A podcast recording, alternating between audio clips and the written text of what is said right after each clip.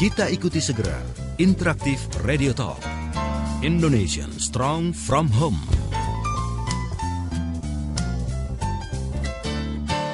Indonesian Strong from Home bersama Ayah Edi, praktisi multiple intelligence dan holistic learning. Selamat mengikuti.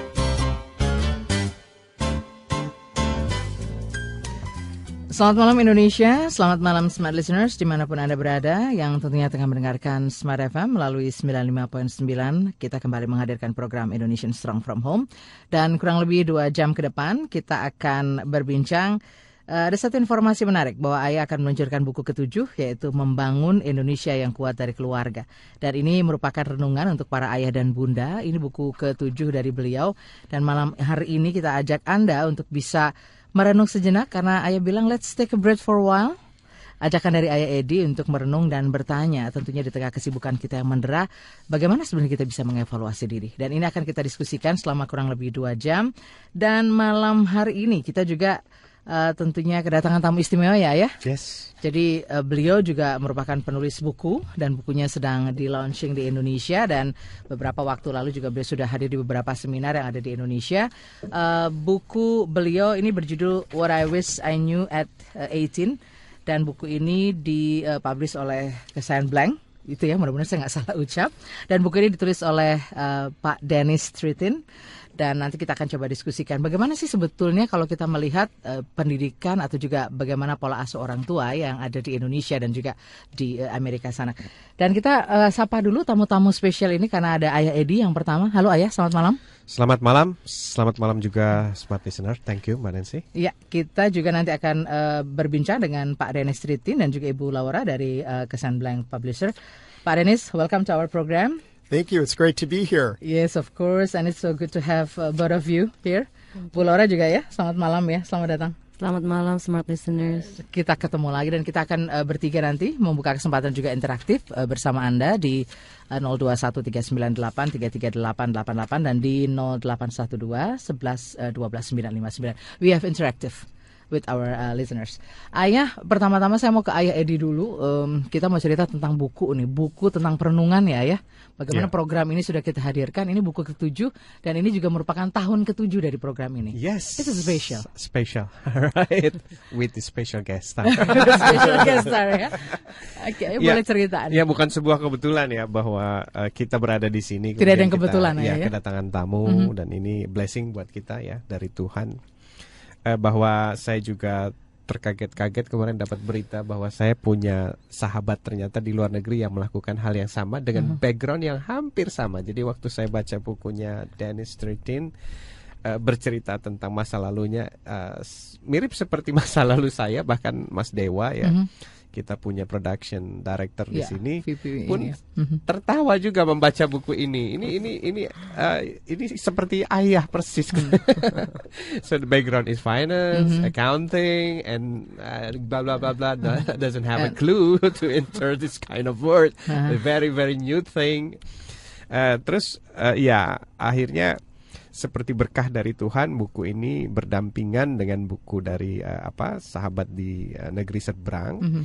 yang mungkin pesannya hampir sama tapi hari ini kita dapat kesempatan untuk bertanya banyak dan jangan khawatir kalau nggak bisa bahasa Inggris bahasa ada. Indonesia saja ada Mbak Laura di sini ada Laura yang, yang memang khusus kita hadirkan ya, ya sebagai translator dan nanti, juga publisher ya, nggak ya. usah ragu nggak usah malu pokoknya tanya saja mm -hmm. uh, sebebas-bebasnya supaya kita tahu bagaimana kita bisa membandingkan antara uh, negeri kita dengan uh, negeri tetangga atau negara maju uh, seperti apa kasus-kasusnya problem-problem yang ada dan mungkin uh, kita bisa sharing ya di sini mm -hmm. uh, tentang bagaimana kita bisa uh, mengatasi semua permasalahan yang ada dan kemudian juga mungkin kita bisa tanya kepada beliau yeah. bagaimana permasalahan-permasalahan di sana itu bisa diatasi. Mm -hmm. So uh, this is uh, kesempatan yang luar biasa begitu Mbak Lesa. Kalau boleh tahu Ayah bisa cerita tentang buku ini sebenarnya buku ini datang dari uh, apakah memang tujuh tahun perjalanan program ini atau juga mungkin banyak inspirasi dari para orang tua? Ya, uh, tadinya buku ini mau diberi judul uh, Renungan untuk Negeriku. Mm -hmm. Kenapa saya suka sekali dengan kalimat renungan ya karena merenung itu adalah bagian daripada membu- membuahkan kesadaran ya awareness baru tentang kehidupan. Kemudian eh, setelah diolah buku ini akhirnya kita sepakat untuk memberi judulnya membangun Indonesia yang kuat dari keluarga. Ini seperti sebuah buah ya. Eh, eh, apa buah dari perjalanan kita selama tujuh tahun eh, Talkshow di Smart FM. Kemudian ini dituliskan dalam eh, bentuk kisah-kisah inspirasi. Medianya waktu itu adalah Facebook ya. Kemudian dari Facebook itu kita kumpulkan, kita edit, kita bangun sebuah kisah. Dan tujuan dari buku ini sendiri sebenarnya untuk uh, something like a wake up call ya, Mhm. uh, For untuk parents, membangunkan ya uh, orang tua Indonesia bahwa hey uh, jangan uh, tertidur Uh, hari sudah berganti, zaman sudah berganti, pola berpikir pun harus berganti.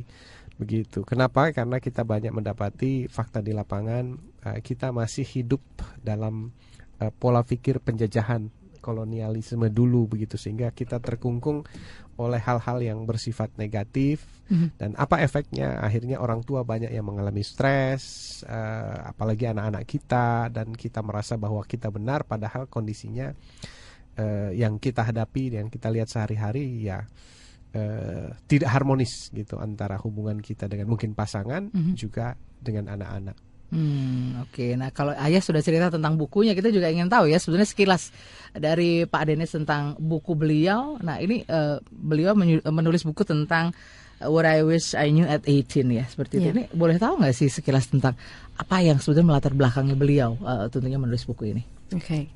Dennis, maybe you can share a little bit about the background why you wrote this book. Well, the reason that I wrote this book was shortly before our son Michael was ready to leave for his freshman year of college. Uh-huh. I had a father moment where I started asking if I've covered all of the bases in preparing him for an amazing life. And I realized that I hadn't, and I had two weeks left. I've had mm-hmm. him for 17 years. We're down to two weeks left. just two weeks left Just two weeks left.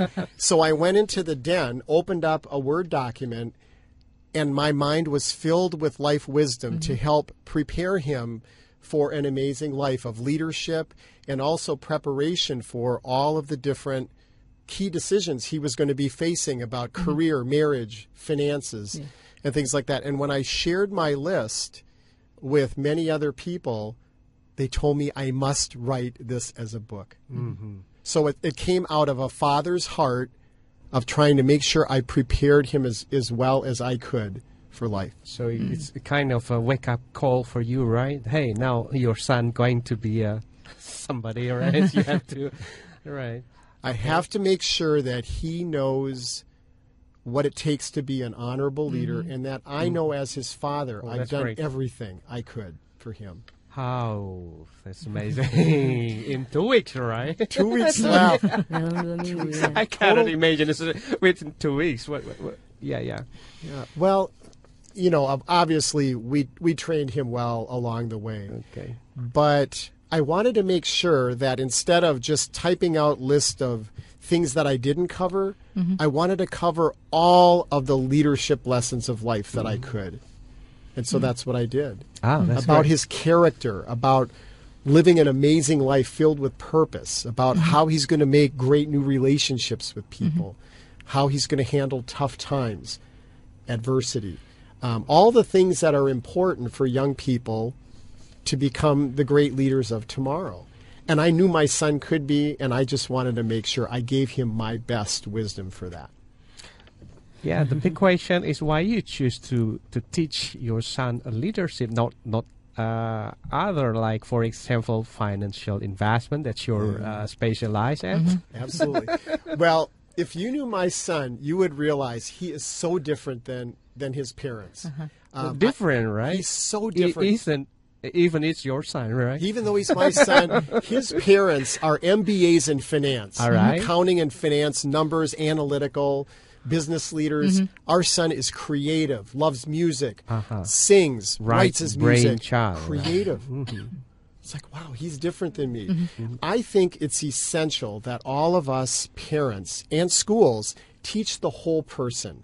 Finance is a really important part of that, yeah, yeah. but it's not the whole picture. Yes, it's, And s- uh, it's only a puzzle, right? Yeah. Yeah. So we started, we include a chapter in finance in my book and in our course um, of all of the financial principles young people need to know about before, you know, they're ready to be wise managers of their money. But we wanted this list to really cover all of the bases of leadership. Right. Hmm, kayak yang menarik tadi Pak Denis bilang bahwa beliau punya latar belakang berbeda dari apa yang dipilih oleh putranya ya, Michael dan juga putrinya ya kalau nggak salah. Benar. Jadi em, alasan dia menulis buku ini sebenarnya dua minggu sebelum anaknya yang paling tua Michael Yeah. masuk ke universitas. Dia berpikir apakah saya sudah mengcover semua hal-hal yang penting ya mempersiapkan anak saya dalam menghadapi hidup yang banyak penuh tantangan se- sehingga dia bisa menjadi pemimpin yang dihargai gitu kan. Jadi dalam dua minggu dia dapat semua ilham-ilham ini bagaimana mempersiapkan dia pointer-pointer apa yang menjadikan seseorang itu menjadi pemimpin yang sukses dan dihargai. Hmm, jadi bukan persiapannya bukan hanya sekedar mempersiapkan dananya, tetapi juga banyak hal ya ternyata. Tadi bagaimana berkomunikasi, bagaimana juga ini ya ya karakternya itu juga di- sangat penting yang, dipersiapkan. yang menarik dari explanations Danis adalah uh, dia memilih untuk mengajarkan tentang wisdom. Jadi wise manager, Iya. wise leader, not a clever manager, a clever leaders. That's the different with the others.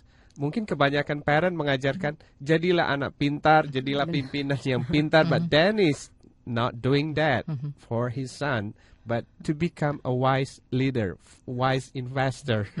wise, wise is uh, the key point, right? Wise and honorable. Honorable. Yeah, wise and yeah, I honorable. use that word all the time. Honorable and admired. admired. Persis seperti ayah saya dulu, jadilah orang yang bermartabat, bernam. Benar. Itu itu itu Iya. didengungkan sampai sekarang, makanya anaknya jadi seperti ini karena ayahnya bilang jadilah orang yang bermartabat, gitu. Yes. This honorable person. Baik, we must take a break take a break for a while. So, smart listener juga untuk Anda yang baru gabung, senang sekali bisa bergabung. Mungkin ini sesuatu yang spesial karena Anda mendengarkan satu perbincangan yang luar biasa bahwa ayah menemukan juga uh, satu apa nih ya, satu partner yang juga punya visi dan misi yang sama, ya, punya Yes. passion yang sama juga. Nah, nanti kita akan coba diskusikan lagi dari buku-buku beliau berdua. Kita masih akan kembali untuk Anda tentunya di program Indonesian Strong from Home. Ayah Edi kembali untuk Anda dan kita masih mengulas tentang buku eh, baru beliau, eh, buku ketujuh yaitu Membangun Indonesia yang Kuat dari Keluarga dan ini renungan untuk para ayah dan bunda.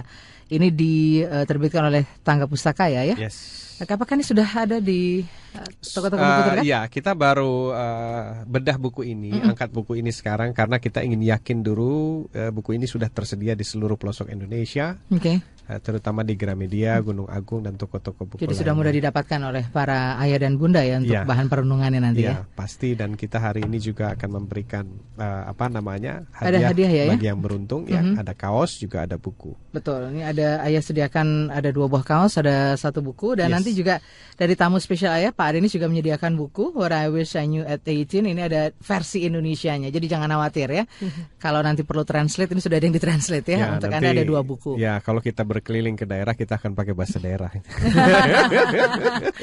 ya, buku beliau ini diterbitkan oleh uh, Kesan Blank ya, publisher di Indonesia. Dan untuk Anda yang mau gabung silahkan karena kita masih uh, mengulas dan masih diskusi dengan beliau berdua.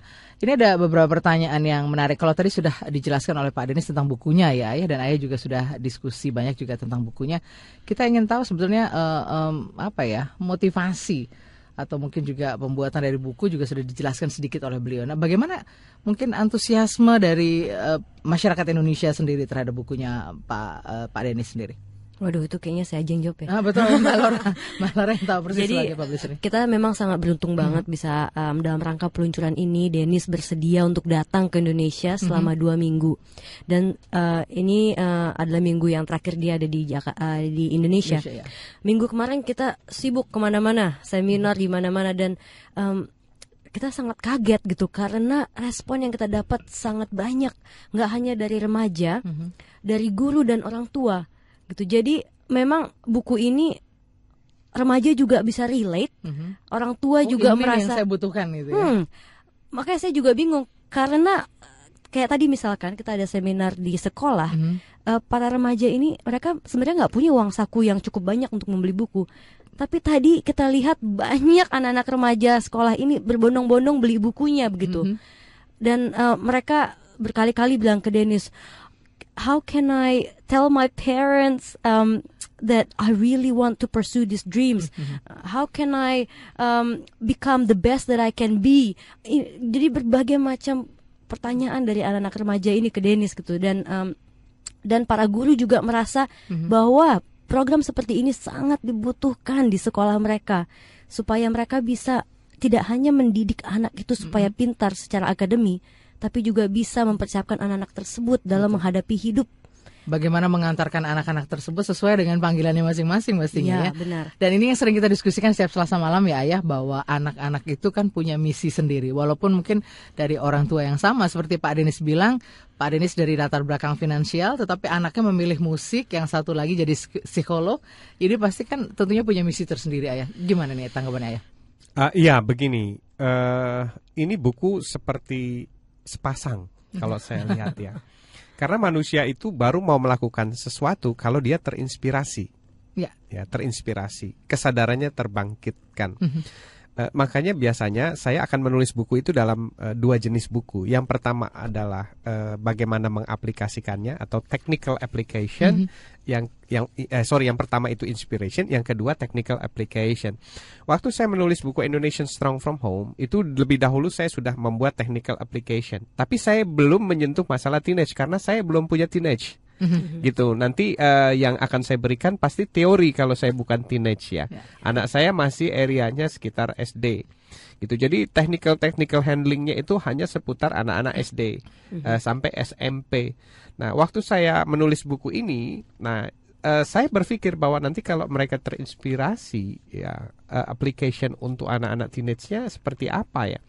Nah, seperti Tuhan menjawab gitu. Begitu saya baca bukunya Dennis, ah, ini seperti buku application-nya gitu. Application ah, khusus untuk teenage yang memang belum pernah saya tulis ya untuk teenage untuk anak-anak eh, remaja begitu. Nah, saya pikir bahwa apabila kita membaca buku ini, ya, pertama buku saya mungkin akan tahu problematik-problematik original anak-anak anak Indonesia, gitu. Seperti ini loh problemnya. Nah, kemudian Dennis melengkapi dengan eh, technical handlingnya seperti apa sih? Apa sih yang harus dilakukan satu persatu? Kelihatannya seperti itu ya. Jadi termasuk buku besar kan ada ya buku semacam course gitu ya Student guide-nya. eh, student Iya. guide-nya. Nah, jadi eh saya nggak tahu ah, mungkin ini kerja alam semesta begitu. Mempertemukan ya. mempertemukan dan I I, I really uh, believe that this is not there is no coincidence right? Everything by design.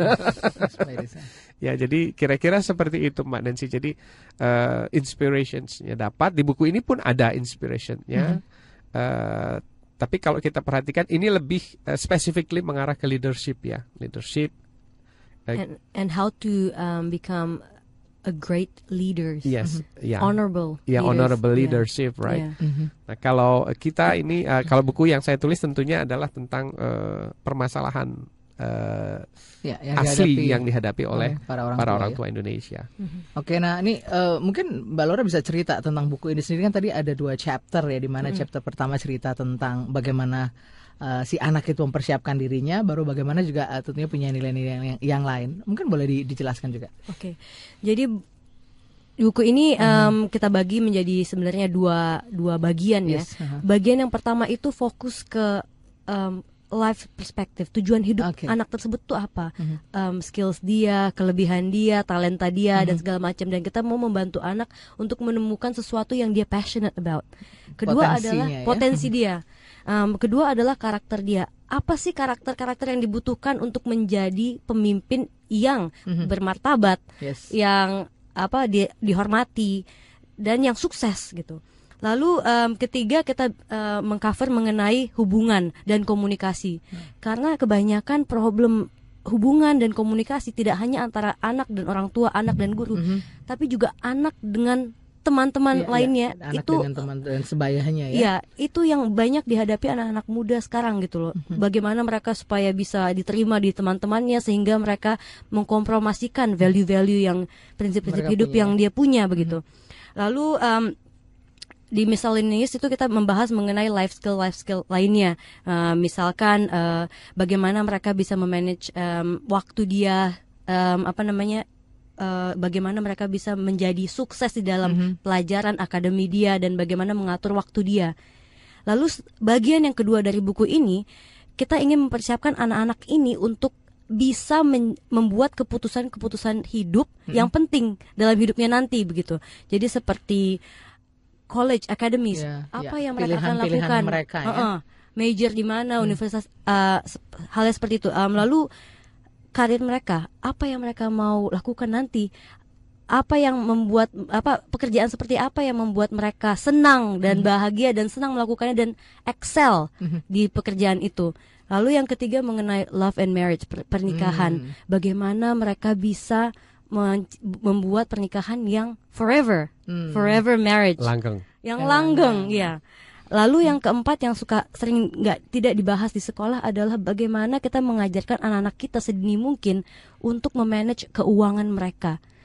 Di sini kita membahas mengenai tiga. Satu adalah memberikan donasi, kedua em, investasi, Investasi, dan ya. menyimpan uang itu. Lalu ketiga baru kita bisa spend uang itu, me- menggunakan uang itu. Lalu yang Saya keempat pikir chapter itu yang akan belajar duluan mungkin para gurunya ya. Iya, oke next. mungkin ya mungkin gurunya juga belum ada kali fondasi, Fondasi bagaimana untuk memanage bagaimana memanage dan keuangan. dan untungnya Dennis wrote this because Dennis has a very Yeah. experience apa uh, background in Uh, investment manage, manager.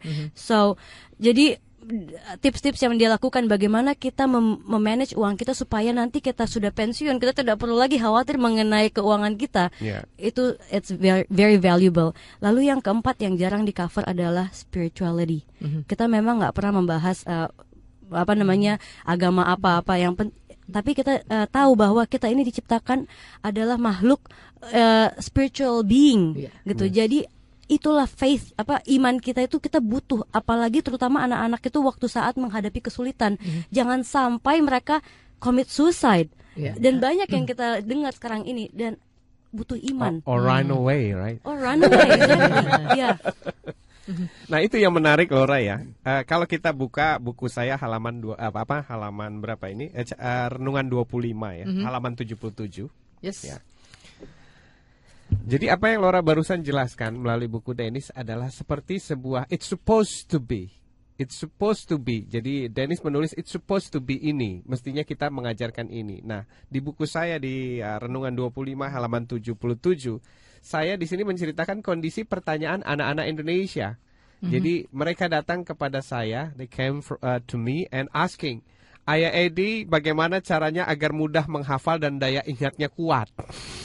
how can I memorize and have a, a good memory This still a question. This, ya.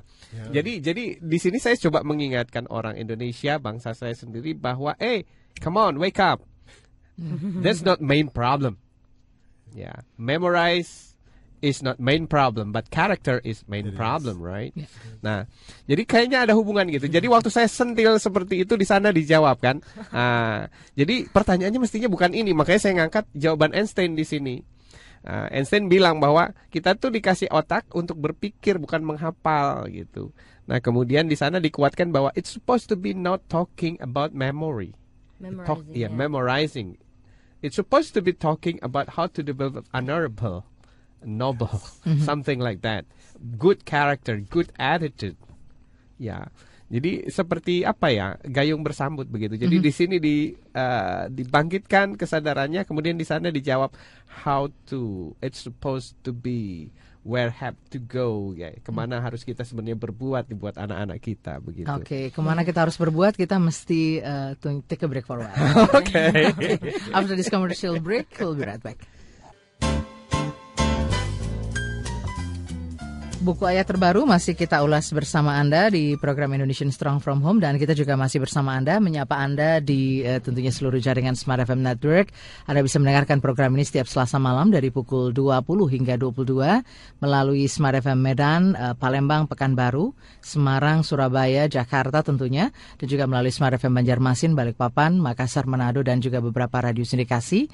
Pastikan Anda juga bisa bergabung melalui eh, streaming kami di www.radiosmartfm smartfm.co.id dan juga melalui website kami di www.radiosmartfm.com atau melalui channel 507 Indovision. Ayah Edi masih bersama tamu spesialnya. Uh, beliau adalah uh, Dennis Tritin, is a successful money, uh, money manager, educator dan juga mentor who committed to help young people ya uh, reach their full potential and life uh, lives for purpose, responsibility, character and uh, impact. Kita mau ngobrol sedikit tentang siapa beliau, lalu bagaimana beliau di usia 18 ya, dan kenapa beliau fokus ke tentunya remaja. Dennis, would you please to um, to explain about yourself and uh, how uh, was you at, in 18? Well, just a little bit of background about me. Um, I'm a happily married uh, father. Wow. Um, my my wife and I later this month will have been married for 30 years. 30. 30 years, so we're very excited about that. Uh, we have two amazing children, uh, son Michael, who just graduated from college, and a daughter Lauren, who's a senior in, in high school, and so she has college ahead of her. So, um, family life is wonderful. We live in a little town in Washington State, south of Seattle. My career um, was mostly in investment management. Yeah. Um, I spent 30 years doing investing. I work for a company called Russell Investments, and I manage $30 billion of assets for investors all around the world, probably some in Indonesia, right? Which would be kind of fun. But um, in 2008, I decided to retire from my investment career because I have such a heart for kids and I wanted to serve kids. So I retired. I created uh, financial courses to teach in the school that I Totally re- retired. totally retired. Yeah. Totally retired at age 53. Uh, because kids were my, my heart, and I had an opportunity to teach them about finance in a school in our hometown. I was the school board chairman at the time. So that's the summer uh, before our son Michael left for college that Yeah. started this whole new uh, career for me. And um, it's been the most fulfilling time of my life. Much more fulfilling than managing $30 billion. I tell you that. Really? really. But you know, when I was, you asked what I was like when I was 18. Um, at the time, I was in my freshman year of college. I grew up in this little town in Wisconsin. Uh-huh, Wisconsin. And um, I was the only person in my family that went to college. Uh-oh. So my parents couldn't train me about college. They didn't know anything. okay. So I had to figure it out myself. And the biggest thing I remember, I was so excited about college and my future, but I didn't realize how big of a transition it was going to be for me because all of my friends were gone. Right? I went to a university with 12,000 students and I knew three of them. Ah. 11,997 strangers, right? And I had to figure it out. Yeah. And it was harder. And so that's one of the reasons I wrote this book is I wanted maybe to give kids a little bit of a head start that I didn't have. Ah, okay. Uh, yeah. So that's a little bit about my life. Uh, okay. You you gave it some time uh, something like a GPS, or right? Well, Yeah. A little head start on life. So why you focus uh, at teenagers? Why do I fo- focus on teenagers? I think part of the reason, first of all, I, I have loved kids of all ages and coached from elementary all the way to high school. But I think teenagers are at one of the most critical stages of their lives. Mm-hmm. And so to give them life wisdom at this time, knowing that they're ready to launch into adulthood, is so critical. And way too many young people mm-hmm. today in America and Indonesia mm-hmm. are not being prepared mm, okay. for life. And so I felt like this was the most critical time for kids to learn these lessons. ya, mm. ya. Masa kritis. Yes. Jadi kita selalu bahas itu bahwa usia remaja itu adalah critical point. They become somebody or nobody. ya, dia bisa terpleset kapan saja dan kita dengar barusan dari Dennis bahwa ya eh, apa yang saya sampaikan atau kita sampaikan selama Iya. 10 tahun ya, 7 tahun di Tujuh sini, tahun, ya. 7 tahun di sini itu ternyata ya bukan isapan jempol ya bahwa eh, teman-teman di negara lain eh, sudah mulai berganti fokus Mhm. dari mengajarkan anak mereka untuk sekedar menjadi pintar to become eh, noble, Mhm. kemudian eh, bermartabat Iya. seperti itu. Jadi bukan hanya sekedar pada saat kesadaran saja, tetapi sudah melakukan sesuatu ya, ya sudah take actionnya ya. Ya, Ya, eh, ya kehadiran Dennis di sini juga semacam wake up call ya Mhm. buat kita semua yang mungkin masih belum yakin dengan talkshow-talkshow Iya. kita bahwa, hey, come on. Mhm. Dan uh, menurut Dennis di Amerika ada statistik uh, bilang bahwa uh, cukup but- hanya butuh 3 sampai 6 bulan untuk seseorang anak pada saat dilepas ke universitas tiba-tiba dia sudah melenceng. Mungkin tadi di apa namanya uh, pribadinya baik, tapi pada saat dia sudah lepas ke universitas Punya lingkungan punya yang lingkungan baru ya. sendiri, keluarga tidak melihat Mhm. gitu kan. Butuh hanya butuh 3 sampai 6 bulan untuk anak itu bisa melenceng ke arah yang berbeda. Hmm, Gitu. Wow, ayah. Ya. Itu yang sering kita diskusikan ya, Ayah, ya. Ya, saya membawa tulisan sebenarnya kalau diminta ini nanti akan jadi endorsement saya untuk buku Dennis ya. Wow, he's giving you an endorsement. Ya, Thank you. eh, kalau boleh begitu ya. Eh, saya mengutip statistik ya, teman-teman guru di Australia mengatakan bahwa kita membutuhkan hanya tiga bulan saja, ya. We need only three months eh, untuk bisa menjadikan anak kita pintar. We only need three months to uh, educate our kids to be smart. smart at one thing, right? At one thing. Yeah, at one thing. Jadi menguasai sesuatu bidang itu kita cuma perlu pelatihan intensif tiga bulan Tiga saja. Tapi di sana dikatakan bahwa kita perlu waktu lebih dari 15 tahun untuk eh, apa bisa membuat seorang anak itu berkarakter positif dan memiliki leadership. So it's a long run, Iya. long times gitu. Jadi itu adalah sebuah perjalanan panjang, baik bahkan sampai lebih dari 15 tahun. Ini pengalaman eh, teacher in Australia. So So- the teachers in Australia are saying that only takes three months to teach a kid and good at something, but takes 15 years to edu- uh, to build their character. Yes, that's right. That's correct. Years. So, Wow. for example, if you don't know about trigonometry, and then you uh, have a course three month intensively, you you you able to to uh, to uh, apa, beker- apa educate to that, educate yeah. that ya. Tapi kalau misalnya kita talking about character, kita tidak bisa me- mendevelop mereka punya character and leadership within three months. We need more than that, and at Wow. least 15 years. at least 15 years. 15 yeah. years. And that's one of the reasons why in our book, we don't just use character words mm-hmm. like respect, humility, Yes. discipline.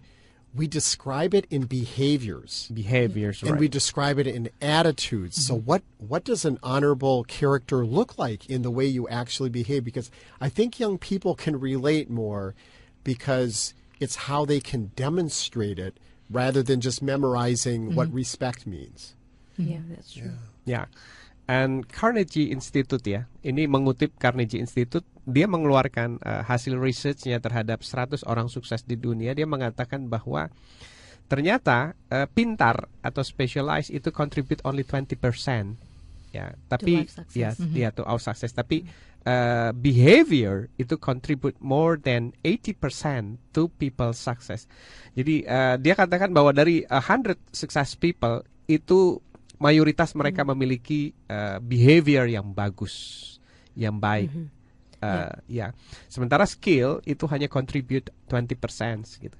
Uh, jadi dengan melihat fakta ini uh, kita mestinya sadar ya, tapi justru kebanyakan kita masih terbalik ini Yeah. we're talking about uh, something that contribute only 20%, but we invest our time uh, more than 80% for that. So research shows that um, out of 100 successful people in the world, um, 30% of them are only um, become successful because of their academics, and the rest, 70%, are Mm, become yeah. successful because of their uh, their their, Their their, personality, their yes, character. Yeah.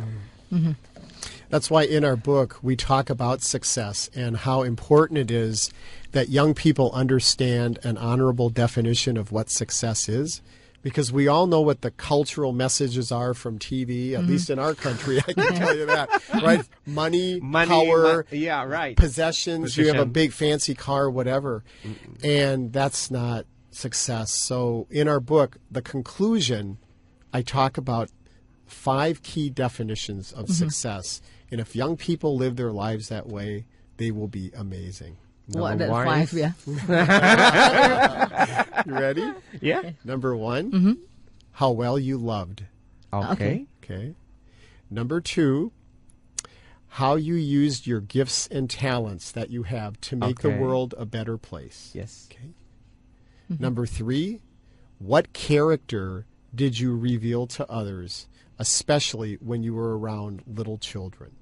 Okay. Okay. Number four, where did you place your priorities? Mm-hmm. Is it about you? Is life about you, or is it about others? Uh-huh. And the fifth, did you give everything your best?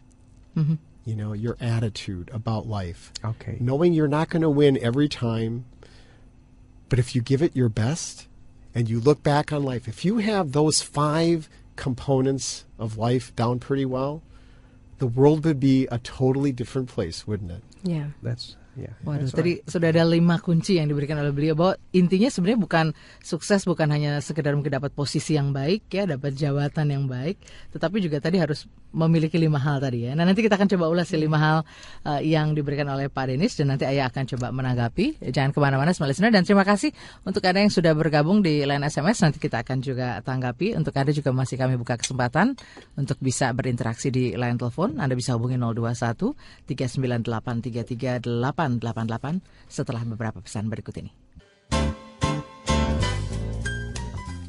Terima kasih smart listener, kita kembali untuk Anda dan masih bersama Anda di Indonesian Strong From Home. Ayah Edi juga masih berbagi tentang buku beliau yang terbaru yaitu buku ketujuh yang diterbitkan oleh Tangga Pustaka yaitu tentang membangun Indonesia yang kuat dari keluarga.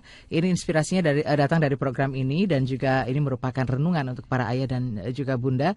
Di dalamnya ini terisi juga banyak inspirasi ya ayah dari uh, komunitas saya Edi di Facebook ya bagaimana beliau juga punya pengalaman-pengalaman dan sudah menerapkan dari apa yang uh, kita coba paparkan setiap Selasa malam. Ya. Eh, yang menarik adalah eh, sekali lagi ini bukan kebetulan ya. Coba dibuka halaman 88. Oke. Ya. Tadi open. ya tadi Dennis tertarik tentang 888. Delapan. Nah, no, sekarang kita buka halaman 88. Oke. Yes. Oke. Ya. Coba kita lihat di sana judulnya. Mhm. Tolong dibacakan. Eh, Laura. Success is, Is love. love. ya kita terpisah jarak memang ya tapi lihat uh, universally apa uh, universalitas uh, kita punya mind itu tidak uh, terikat oleh jarak tidak terbatasi oleh ruang dan waktu jadi saya agak tergetar jiwa saya waktu Dennis mengatakan number one Is uh, how, much well you love, love. how, How much well you, you love. how well you love. and I, I write down in my book Uh-huh. uh, in a page of delapan Delapan. Page of 88 ya. success is love. love. Oke. And we've never met each other before. Yeah, today. Oke, Ayadi, Pak Denis, we have a caller. Halo, selamat malam, Smart FM. Halo, selamat malam. Ya, selamat malam. Dari siapa di mana? Ya, dengan Andrew di Manado. Pak Andrew di Manado. Apa kabar Pak Andrew? Ya, luar biasa baik. Silahkan Pak Andrew. Ya, saya mau tanya, eh, di sini biasanya kan orang mengaplikasikan bahwa nomor-nomor atau angka-angka itu kan eh, bisa memberikan keberuntungan begitu Mm-mm. atau kesuksesan. Apakah itu benar, Bu? Oh, memberikan keberuntungan. Boleh mungkin eh, lebih spesifik ada contohnya yang Pak Andri mungkin tahu? Ya, seperti misalkan triple delapan begitu Mhm, mhm. dan lain-lain. Oh, kita punya banyak kepercayaan tentang hal itu gitu ya. Angka 13 sial gitu ya, Pak ya. We have a question from uh, Andrew from Manado. Dia nanya tentang angka. Nah, di sini kan orang-orang Indonesia mungkin terbiasa dengan angka-angka keberuntungan. Pilihan oh, a- mungkin ayah angka 8, saya angka berapa seperti itu.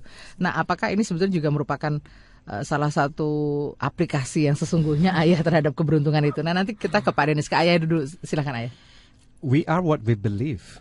Oke. Ya, jadi kalau kita percaya 88 itu beruntung, Beruntung. ya beruntung. Kalau kita percaya sial ya sial. Eh, saya dulu SMA 13. Hmm. Sekolah saya SMA 13. 13 orang bilang Hmm, angka sial. ya. angka sial, tapi di sana malah jadi sekolah terfavorit malah terbaik dan lulusannya selalu dapat university negeri waktu itu 13. So we are what we believe.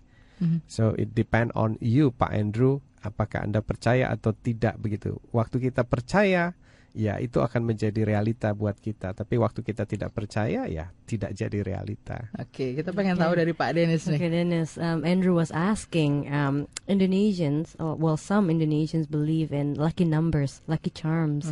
Um, for example, triple eight. Um, it- Delapan, what does it? delapan. Yeah, delapan. I'll never forget that. How does it contribute to success?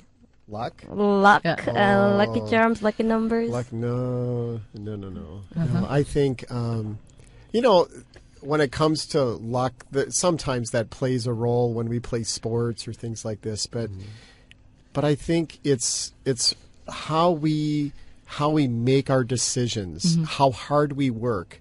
Um, many of the most successful athletes, they just work harder than other. They make their own luck. Yeah. It doesn't just happen. Happen. And you can't expect it. You have to work for it. Oke, ayah tadi menarik saya ingin mengulas ada lima tips dari beliau ya bahwa ketika kita memang sudah punya satu posisi yang baik atau juga mungkin punya eh, sukses yang lebih baik mungkin dari apa yang kita harapkan dan ternyata memang itu nggak cukup. Tidak cukup hanya itu bahwa diperlukan juga kita punya cinta tadi lalu juga apakah kita sudah melakukan sesuatu sudah berbagi dan lain sebagainya eh, sebagainya. Ada lima poin. Nah ini bagaimana pandangan ayah Ya, eh saya selalu mengatakan dan dalam buku ini pun dikatakan saya lupa halaman berapa bahwa eh kalau kita yang kita bangun itu adalah leadership and character, maka pintar dan cerdas itu adalah komplementarinya, Ya. bonusnya. Kenapa? Karena kalau seseorang memiliki karakter yang baik yang seperti Dennis tadi katakan, Mhm.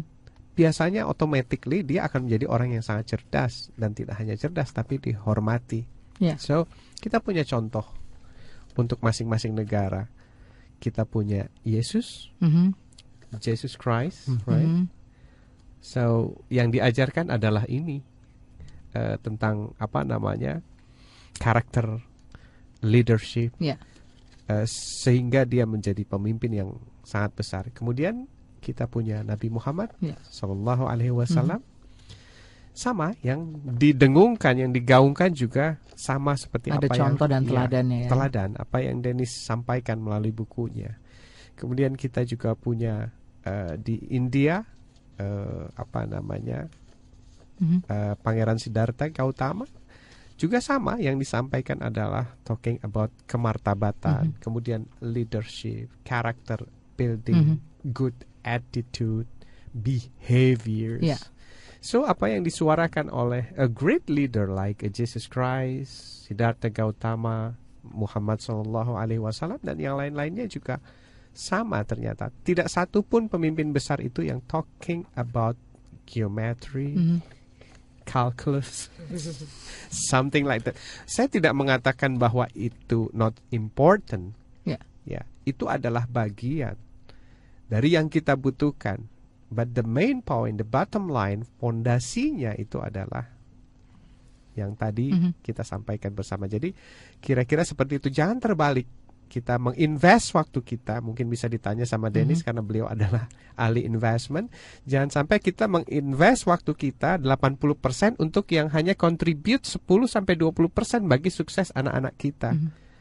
Itu. Maka investasikanlah waktu Anda yang 80% ini untuk yang contribute otomatis 80% bagi sukses kehidupan. Begitu kira-kira Mbak Nens. Mbak Laura mungkin boleh em, tanyakan ke Pak Denis tentang Pak Denis melihat nggak sih sebenarnya perbedaan ya pandangan beliau tentang bagaimana anak-anak Indonesia atau remaja Indonesia dengan eh, remaja di US sana? Perbandingannya. Perbandingannya seperti apa? Dennis, over the past week, you've been talking to many schools.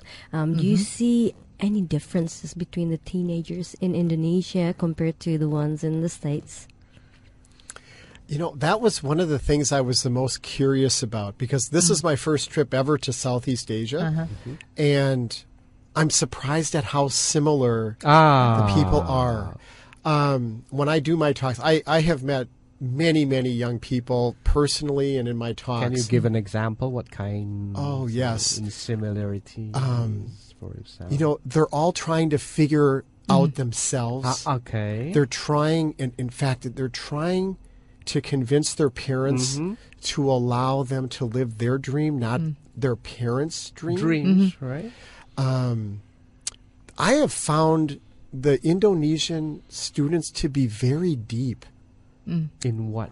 deep in, Case. in their questions. Oh, They're like, not for example? superficial questions. They're like like today, a young lady asked me, Mm-hmm. "How do I enjoy the process?" Yeah. Oh, enjoy the process of life. That's a very basic, basic philosophy discussion, Right. right? But what a profound, I mean, it's just questions like that. Frankly, a lot of the questions in the U.S., I would say, are not that deep. Yeah, yeah, yeah. Um, yeah. I've had many, many young people ask me, And how do you answer that question anyway? Oh, I, I say that Yeah. life is a journey, Uh huh. right? And Yeah. if you don't enjoy the journey along the way, Yes. that's the best part. Oh. And how many times do you watch sporting events where um, where there's all this effort and practice, and that's what the what the players love that team mm-hmm. building, and then when they win the game, they can't even describe how they feel, mm-hmm. and it's because when it actually when they actually win, mm-hmm. it's almost like they're a little. They're, they're not as happy as they thought they would be, or something, and it's because of the build up along the way. It was Yes. enjoying the ride. The destinations may not always be the ones you hope for, Mm-hmm. but what you do is you learn along the way. Yes. The process, the right? process. Yeah. But for a 16 year old Indonesian girl, I was like, because Okay. Wow. wow. Is this the end of our one hour show? So to be continue in the hour, the hour again. Oke, Smart listener, jangan ke mana-mana. Kita masih akan kembali dan menarik sekali bicara tentang pertanyaan. Sebetulnya itu sebuah pertanyaan sederhana ya dari seorang uh, anak muda, wanita muda begitu. Tetapi ini buat Denis juga luar biasa. Ternyata mereka uh, memendam sesuatu yang yang mendalam begitu. Nah, nanti kita coba akan diskusikan bagaimana uh, kita melihat hal ini dan bagaimana kita memberikan solusinya. Jangan ke mana-mana, kita masih akan mengulas buku Ayah Edi tentang membangun Indonesia yang kuat dari keluarga, merupakan renungan untuk para ayah dan bunda. Kita kembali untuk Anda dan tentunya let's take a breath for a while ya. Oke, kita masih bersama Anda. Sebenarnya di program eh, di program Indonesian Strong from Home dan Ayah Edi juga sudah meluncurkan buku beliau yang ketujuh. Dan ini merupakan inspirasi dari tujuh tahun program kita dan juga inspirasi banyak dari eh, komunitas Ayah Edi di Facebook. Dan malam hari ini juga kita mendapatkan satu ini ya ya set- eh, ini, ini sepertinya blessing begitu ya. Karena kita ketemu dengan eh, seorang penulis buku juga yang ternyata memang peduli terhadap bagaimana anak-anak kita, bagaimana mempersiapkan mereka dan bukan hanya sekedar mengantarkan mereka dengan pilihan-pilihan mereka, tetapi mempersiapkan mereka dari mulai 18 tahun itu adalah masa-masa yang cukup kritis untuk bisa me- melepas mereka ya dengan pilihan-pilihan mereka. Ya, eh, salah satu lagi di halaman 131 renungan ke-44 ya. Mhm. Eh, saya di sana bicara tentang mayoritas kita dididik untuk bersaing, how to compete, Ya. a competition. Jadi negeri kita ini eh, penuh dengan kompetisi, semua orang bersaing dan efeknya kita tuai sekarang. Nah di sana saya coba menawarkan lebih baik mengajarkan competitions or cooperations, cooperations, Cooperation. ya bekerja sama atau berkompetisi. Tapi Laura, ini for your info saja. Waktu saya offering ini banyak yang nentang. Yang nentang mengatakan bahwa ya anak itu harus diajarkan competition, competition. Nah saya mengatakan sinergi itu better than competitions. Cooperation is better than competition. Lihatlah betapa kita sekarang ya kita ingat dulu zaman perang dingin Amerika with United States with uh, USR uh, Rusia ya, perang dingin because of competition right competition missile. Nah so can we think Coba bayangkan kalau mereka sebenarnya bekerja sama gitu ya. Kita semua bekerja sama dan our spirit is cooperations, not to compete and kill others or hit other or defeat it. Nah, mungkin dunia nggak nggak sem- seperti ini bentuknya begitu. Nah, eh, ini adalah eh, apa namanya eh, kepercayaan atau belief belief system yang saya sebenarnya coba bongkar, eh, coba untuk ajak kaji ulang. Apakah kita selama ini sudah mendidik anak kita dengan benar? Gitu. That's okay competitions, tapi coba pikirkan alternatif lain, cooperation. Dan saya yakin seorang yang honorable kemudian bermartabat, pasti dia akan lebih mengutamakan menolong, Ya. giving, love. Punya priority tadi ya. Ya, priority tadi. Dan eh, ya ulasan-ulasan ini adalah sebagai eh, pemantik-pemantik untuk setidaknya orang tua Indonesia itu berpikir ulang. Oh iya juga ya gitu. Hmm. Nah, pada saat mereka mulai berubah dan kita harapkan nanti akan berubah bahwa kita punya belief systemnya tergantikan dari yang mengajarkan competition pada anak kita menjadi cooperation. Mudah-mudahan nanti Indonesia dan dunia ini potretnya pun akan Menjadi berubah. lebih baik ya. Ya. Baik, kita sudah punya caller lagi dan kita undang Anda juga untuk bisa uh, berinteraksi karena nanti di akhir acara ini uh, Kesan Blank uh, Publisher yang menyediakan lima buku. Ini versi Indonesianya, buku yang ditulis oleh Pak Denis tamu ayah malam hari ini tentang What I Wish I Knew at 18 dan juga nanti ayah dia akan berbagi satu buah buku beliau dan juga ada dua kaos ya. Ada penelpon yang sudah ingin bergabung lagi dengan kita, Pak Andrew di Manado. Terima kasih. Halo, selamat malam, Smart FM. Halo. Halo, Ya, selamat malam. Dari siapa di mana, Pak? dari halo, Iya, selamat malam, Pak. Boleh dikecilkan volume radionya, Pak, biar tidak feedback? Jeffrey ada di jalan nih. Pak Jeffrey on the way. Iya. Oke, silahkan Pak Saya Jeffrey. mau tanya kepada Ayah Edi dan bintang tamunya tentang Pak Dennis, deep yes. listening dan loving speech. Uh-huh. Iya, saya sudah mendengar program Edi selama dua tahun dan Mhm. saya memperhatikan seorang orang tua harus menggunakan deep listening dan loving speech ketika mereka mengajar putra putrinya. Oke. Sekarang pertanyaan saya, Ayah Edi dan bintang tamu kita. Mm-mm. Kalau seorang tua mengajar anak karena dia tidak mengerti, dia tidak mempraktekkan deep listening dan loving speech, lalu dia baru mulai mengerti tentang deep listening dan loving speech ketika anaknya sudah berusia 20 tahun. Mm-mm. Dan dan dia baru mau praktek deep listening dan loving speech itu. Mhm. Apakah ini masih bisa untuk merubah karakter si anak? Oke. And the second question, Mhm. motivator-motivator kita di Indonesia selalu mengajarkan anak-anak untuk menjadi the best, menjadi yang terbaik. Mhm. Apakah itu bu- bukannya malah membe- membebani anak-anak kita itu Mhm. untuk menjadi yang terbaik? Oke.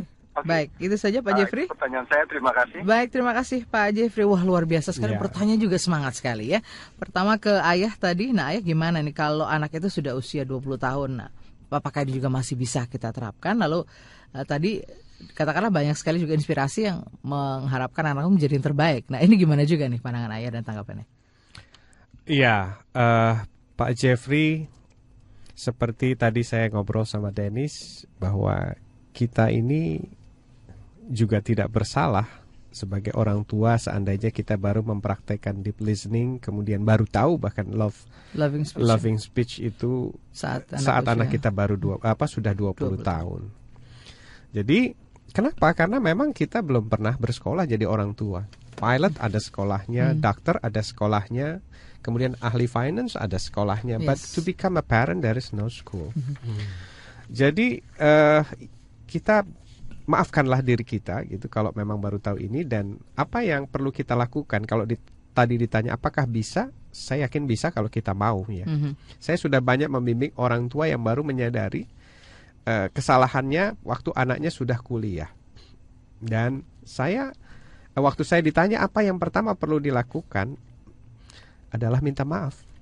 Jadi kalimat yang paling penting untuk dilakukan adalah minta maaf kemudian menjelaskan kenapa baru sadar sekarang dan setelah itu kita minta anak untuk mau nggak bantu bahasanya Mhm. will you help your parent to change gitu untuk berubah dan pengalaman kami beberapa kali pak waktu orang tuanya merubah dan mengakui kesalahannya anak-anak kita itu pemaaf. Sangat pemaaf. Even dia sudah mengalami 20 tahun tidak didengarkan dengan baik. Eh, 20 tahun orang tuanya tidak berbicara dengan baik. Nah, Ya. kemudian apabila kita konsisten melakukan perubahan dan melibatkan anak kita, involving our child untuk bisa mengubah orang tuanya, maka ini menjadi sebuah game atau permainan yang menarik di mana mereka punya keterlibatan secara emosional dan biasanya anak-anak ini eh, sangat antusias terhadap perubahan seperti itu dan beberapa kali ini terbukti. Hanya saja problem terbesar adalah gengsi orang tua sebagai superior di dalam rumah untuk minta maaf pada anaknya. Tapi sepanjang gengsi itu bisa teratasi dan kita mau meminta maaf sebagai starting point, kemudian melibatkan anak kita, it works, Pak. Kemudian yang kedua mengenai menjadi yang terbaik. Saya katakan tidak ada masalah menjadi yang terbaik untuk sesuatu yang dia cintai. Jadi basicnya tetap love. So seperti Dennis to become a coach, to become a writer, there is no problem to become the very best writer and very best coach, right? As long as you love your jadi sepanjang kita mencintai apa yang kita lakukan seperti saya sebagai seorang pembicara, saya juga seorang guru, saya pelatih guru di sekolah juga saya guru. Nah, saya berusaha menjadi yang terbaik. Yang terbebani bagi kita itu dan anak-anak kita apabila orang tua meminta anaknya menjadi yang terbaik untuk keinginan Orang tuanya. orang tuanya. Tapi kalau untuk keinginan anaknya, saya sudah coach beberapa anak, bahkan hampir 100 orang anak. Mereka happy. Dan kemarin baru kejadian, saya tulis di Facebook saya, mungkin nanti Pak Jeffrey bisa berkunjung di sana. Ada seorang anak yang pertama kali menyangkakan kaki ke Indonesia, dia telepon, Ayah Edi, it's time for dinner. Mhm. Ini anak ininya ayah ya, apa ya? Eh, anak didik ya ayah ya? Ya, yang jadi anak yang- ya. petunjuk oleh ayah. Ya, seperti yang Dennis lakukan, Mhm. eh, saya memberikan petunjuk bagaimana menghadapi masa-masa dewasa seperti itu, bagaimana desain dia karir eh, apa destination dan Pilihan-pilihan, ya. sebagainya. Sampai sekarang dia sudah menjadi director of eh, choreography di Los Angeles. Dan pada saat dia pulang ke Indonesia, first time dia menginjakkan kaki di Indonesia yang ditelepon adalah, Let's get dinner ya. ya let's let's get dinner. Jadi kita pernah punya tamu namanya Nia. Nia, Eh, ya. Dia dia da- datang dari latar belakang orang tuanya semuanya ini ya ya punya latar belakang pendidikan yes, yang MBA, Ya, yes, very doctor. very academic, Very academic. PhD, tapi dia punya pilihan dia pengen jadi dancer. dancer. Dan ayahnya sangat mendukung hal itu ya, Iya. walaupun keluarga besarnya dancer gitu ya. Tapi Iya. dia sudah buktikan Wah. dari mulai usia berapa ya? Dua, eh, 14 Kemarin tahun. 14 tahun dia berangkat sendiri ke Amerika dan sekarang kembali udah kurang lebih sudah 19. Iya. 19 sekitar itu, sudah tahun. 19 tahun. Now sudah jadi uh, koreografer. yeah, she become a director of choreography. Oke, nah tadi ada pertanyaan menarik eh, Mbak Laura eh, ke Pak Denis mungkin bisa disampaikan ke beliau tentang bagaimana ketika anak itu usianya sudah 20 tahun dan orang tuanya baru bisa memahami tentang Baru deep sadar. listening dan baru sadar tentang loving speech tadi dan bagaimana juga dengan begitu banyak inspirasi jadi yang terbaik. Nah ini sebetulnya apa yang bisa menjadi mungkin dampak ya dari dari hal ini? What's your thoughts, Dennis, on there were two questions before. The first one was Is it too late for a parent to learn um, loving, what was it? Uh, Loving speech. Deep, Deep listening, listening and, and loving speech. Loving speech. Um, so pretty much uh, uh, parenting, Parenting skills, skill, right? parenting skills for for their kids when their kids are already 20, years, old. years old. And then the second question was, many motivators out there um, are telling young generations to be the best Yeah. that they can be. Mhm. Um, is that wrong? What do you think on, on that? Okay, well let me let me take the first one. I don't think it's ever too late. We are all whether we're parents or we're kids, we're all trying to figure it out and and be just get better and mm-hmm. better at what we do. And one of the reasons that you know I I wrote this book was to help parents cover the bases in writing it in a way where they can use this book together with their kids. And there are many parents who have a hard time expressing love to their children, especially men. Yeah. Mm-hmm. I know in our country, uh-huh. usually the moms are more Yes. expressive about love, mm-hmm. but it is absolutely essential that our children know that we believe in them. And one of the things I shared today at the school is that um, there's a school in our town that our, our daughter goes to where in their senior year, they have each parent think about all of the different people in the lives of these children that know them well, that love them, and they ask them to write a letter. Mm-hmm. And then they go off to a retreat, and when they show up, mm-hmm. they're given an envelope mm-hmm. filled with letters from all of these different people in the lives of these kids. They open up the letters, and they're emotional wrecks Yes. because they have never understood how they are loved in so many ways by so many different people. So, with fathers who have a hard time expressing love, we say, write them a letter. That's I, a starting I did point, that. right? I did. Yeah. Mhm. And and I was one of the people that had to write one of those letters for my son. I wrote him about a four-page letter. I don't know that I ever cried as hard as I cried as I was writing that letter because it was mm. like this is my chance Yes, to tell you, son, yes. everything I never said enough. Mm-hmm.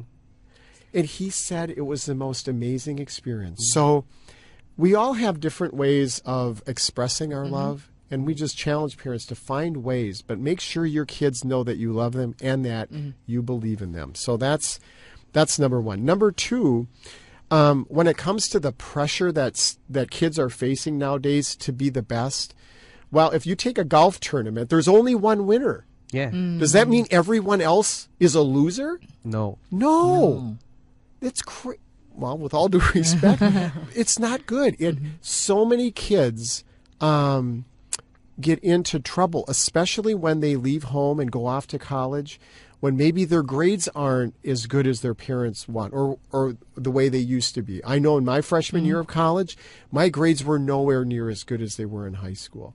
It took me a while to figure it out. Okay. So I think we just ask kids to do their best. Mm-hmm. Yes. You don't have to be perfect to get the job. And in many mm-hmm. cases, the smartest people have no clue how to express themselves and get the job.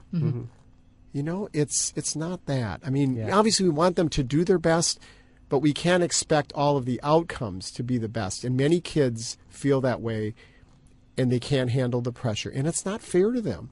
They're not free to soar if they're not free to take risk and fail. Yes. Okay. So we the point take a break yes. for a while again. Don't go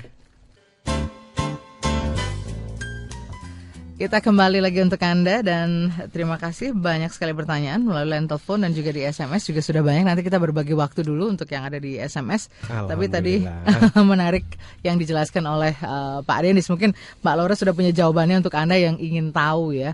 Mungkin tadi agak sulit ini menangkap apa sih sebetulnya yang ingin disampaikan oleh Denis. Silakan Mbak Laura. Oke, memang tadi intinya untuk menjawab pertanyaan yang pertama itu tidak pernah telat. Tidak pernah ada kata orang- terlambat ya. Untuk eh, untuk seorang tua un- eh, apa Berubah namanya ya. berubah gitu. Jadi eh, apa yang dilakukan di eh, Amerika eh, Mhm. di sekolah yang ada di Gig Harbor ini cukup menarik. Kemarin eh, juga kita singgung ke sekolah-sekolah lain di sini, mereka juga tertarik. Jadi sebelum eh, anak-anak ini wisuda dari high school, eh, mereka melakukan latihan. Um, untuk setiap anak diminta lima orang yang mereka yang sayang sama anak itu untuk menulis surat Uh, surat mengenai uh, kenapa anak itu dicintai, Dicintai, oleh orang ya. itu gitu. Oh, oke. Jadi um, setiap orang melakukan hal itu, terutama bagi ayah yang kadang susah mengekspresikan cintanya terhadap anaknya. Lalu um, pada saat wisuda mereka semua membuka uh, apa namanya Surat. surat, tersebut dan emosional semuanya anak-anaknya. A- orang tuanya nangis, anaknya nangis. Dan kebanyakan anak-anak itu bilang bahwa saya tidak tahu bahwa sebegitu besar cinta orang tua saya dan orang-orang yang menulis ini terhadap saya yang mungkin memang jarang diekspresikan lewat kata-kata dan eh, susah mungkin diekspresikan dan hanya bisa ditulis oleh eh, eh, tulisan gitu oleh se- eh, sebagian ayah. Em, seandainya kita bisa lakukan itu di sekolah kita gitu kan eh, memberitahu bahwa anak itu adalah sangat dicintai oleh orang tuanya. Hmm, dan mudah-mudahan ini juga jadi sebuah inspirasi bahwa eh, dengan melakukan hal yang kecil saja, dengan menuliskan surat, mungkin dengan beberapa kata, beberapa kalimat itu akan membuat kita menjadi lebih bersemangat, lebih merasa dihargai ya, ya, dan lebih merasa bahwa wow, keingin, eh, kita hadir di dunia ini memang ada ininya ya, Ya. ada eh, harapan, diharapkan seperti itu. Ya, jadi Dennis memberikan alternatif ya. Apabila kita tidak mampu melakukannya secara lisan, maka lakukanlah secara tertulis. Benar. Ya. Jadi kalau misalnya di sekolah belum ada, mungkin diselipkan di bawah kamar anak kita ya. Memberikan kejutan-kejutan ya, ya, ya. Mungkin di buku ada cukup menarik ya. Uh, Iya. Dennis menulis, um, dia Ya. melakukan riset um, kepada orang-orang tua, jo- uh, elderly, orang-orang tua ya, Ya. Um, Ap- Senior citizen. senior citizen ya. Apa hal-hal yang mereka regret, sesalkan selama hidup mereka? Ada 10 Oh, what's what? Nomor Apa aja, satu apa apa? aja? What's number one, Dennis? Number one, Dennis. The most regret. I didn't spend enough time with my loved ones. Oh, yeah, yeah, yeah, yeah, yeah, yeah. You know what number two is? Oh, you said that I I won't regret it. yeah, I don't want to regret it. Yeah, yeah. And I can't Okay. imagine mm-hmm. having that regret. Mm-hmm. I could never live with myself as a father if I felt that way. The second one is I didn't tell my loved ones that I loved them often enough. Exactly. Wow. And most of the top 10 list of regrets of our senior citizens involve relationships and priorities. It's very interesting. I mean, I, I can read a few more if you're interested.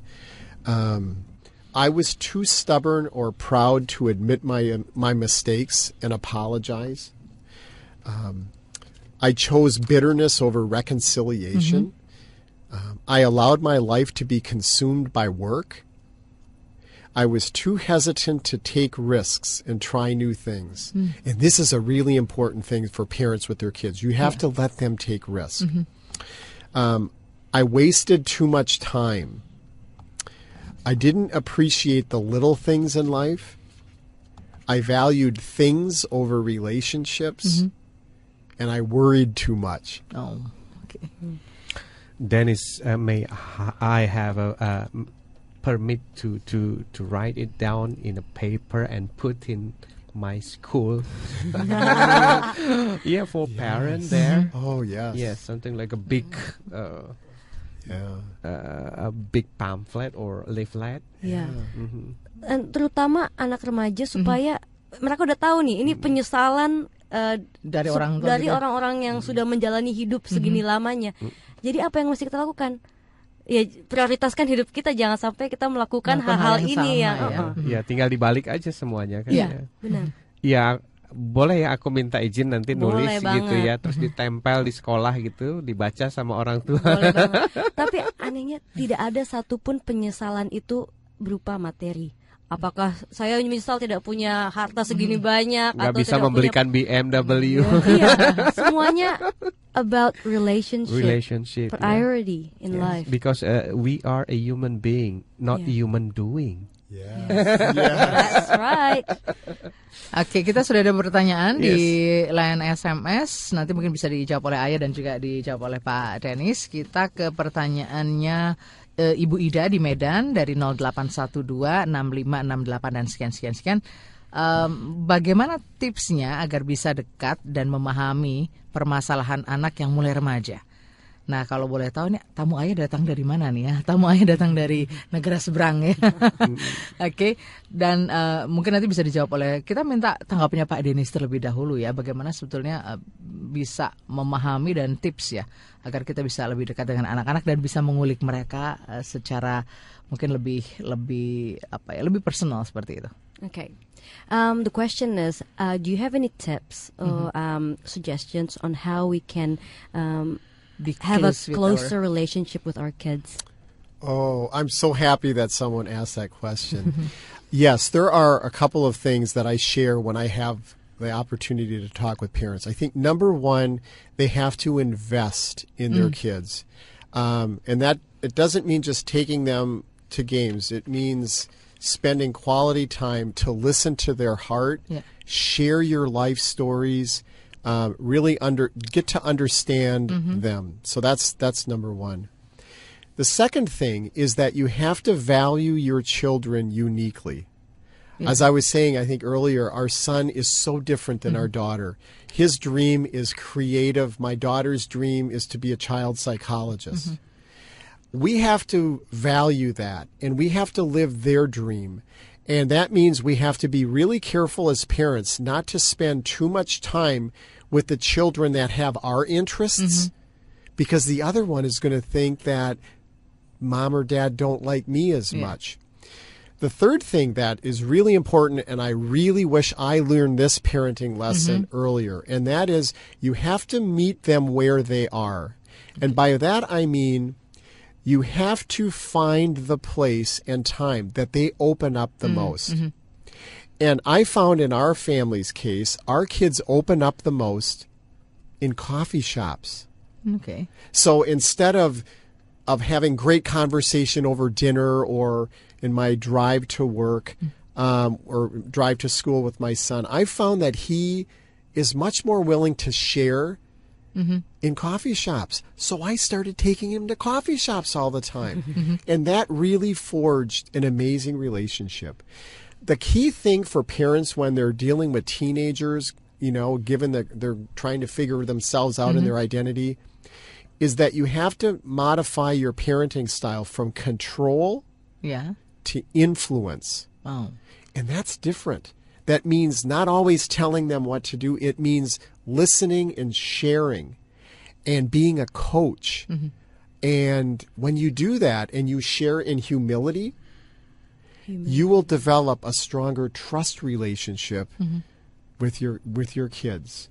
And um, another thing that I think is really important is um, is to have other adults in their lives. So it's not just you as parents reinforcing these values. It's it's having other people. They could be relatives like aunts or uncles or teachers that that um, that validate those same and message those same values that you want your kids to have. Because I know in our country, many kids when they're teenagers don't listen to mom and dad so much anymore. they listen more to their friends, right? Yeah. Okay, so if that's the case, we want to have other adults in their lives Yeah. that will reinforce Yes.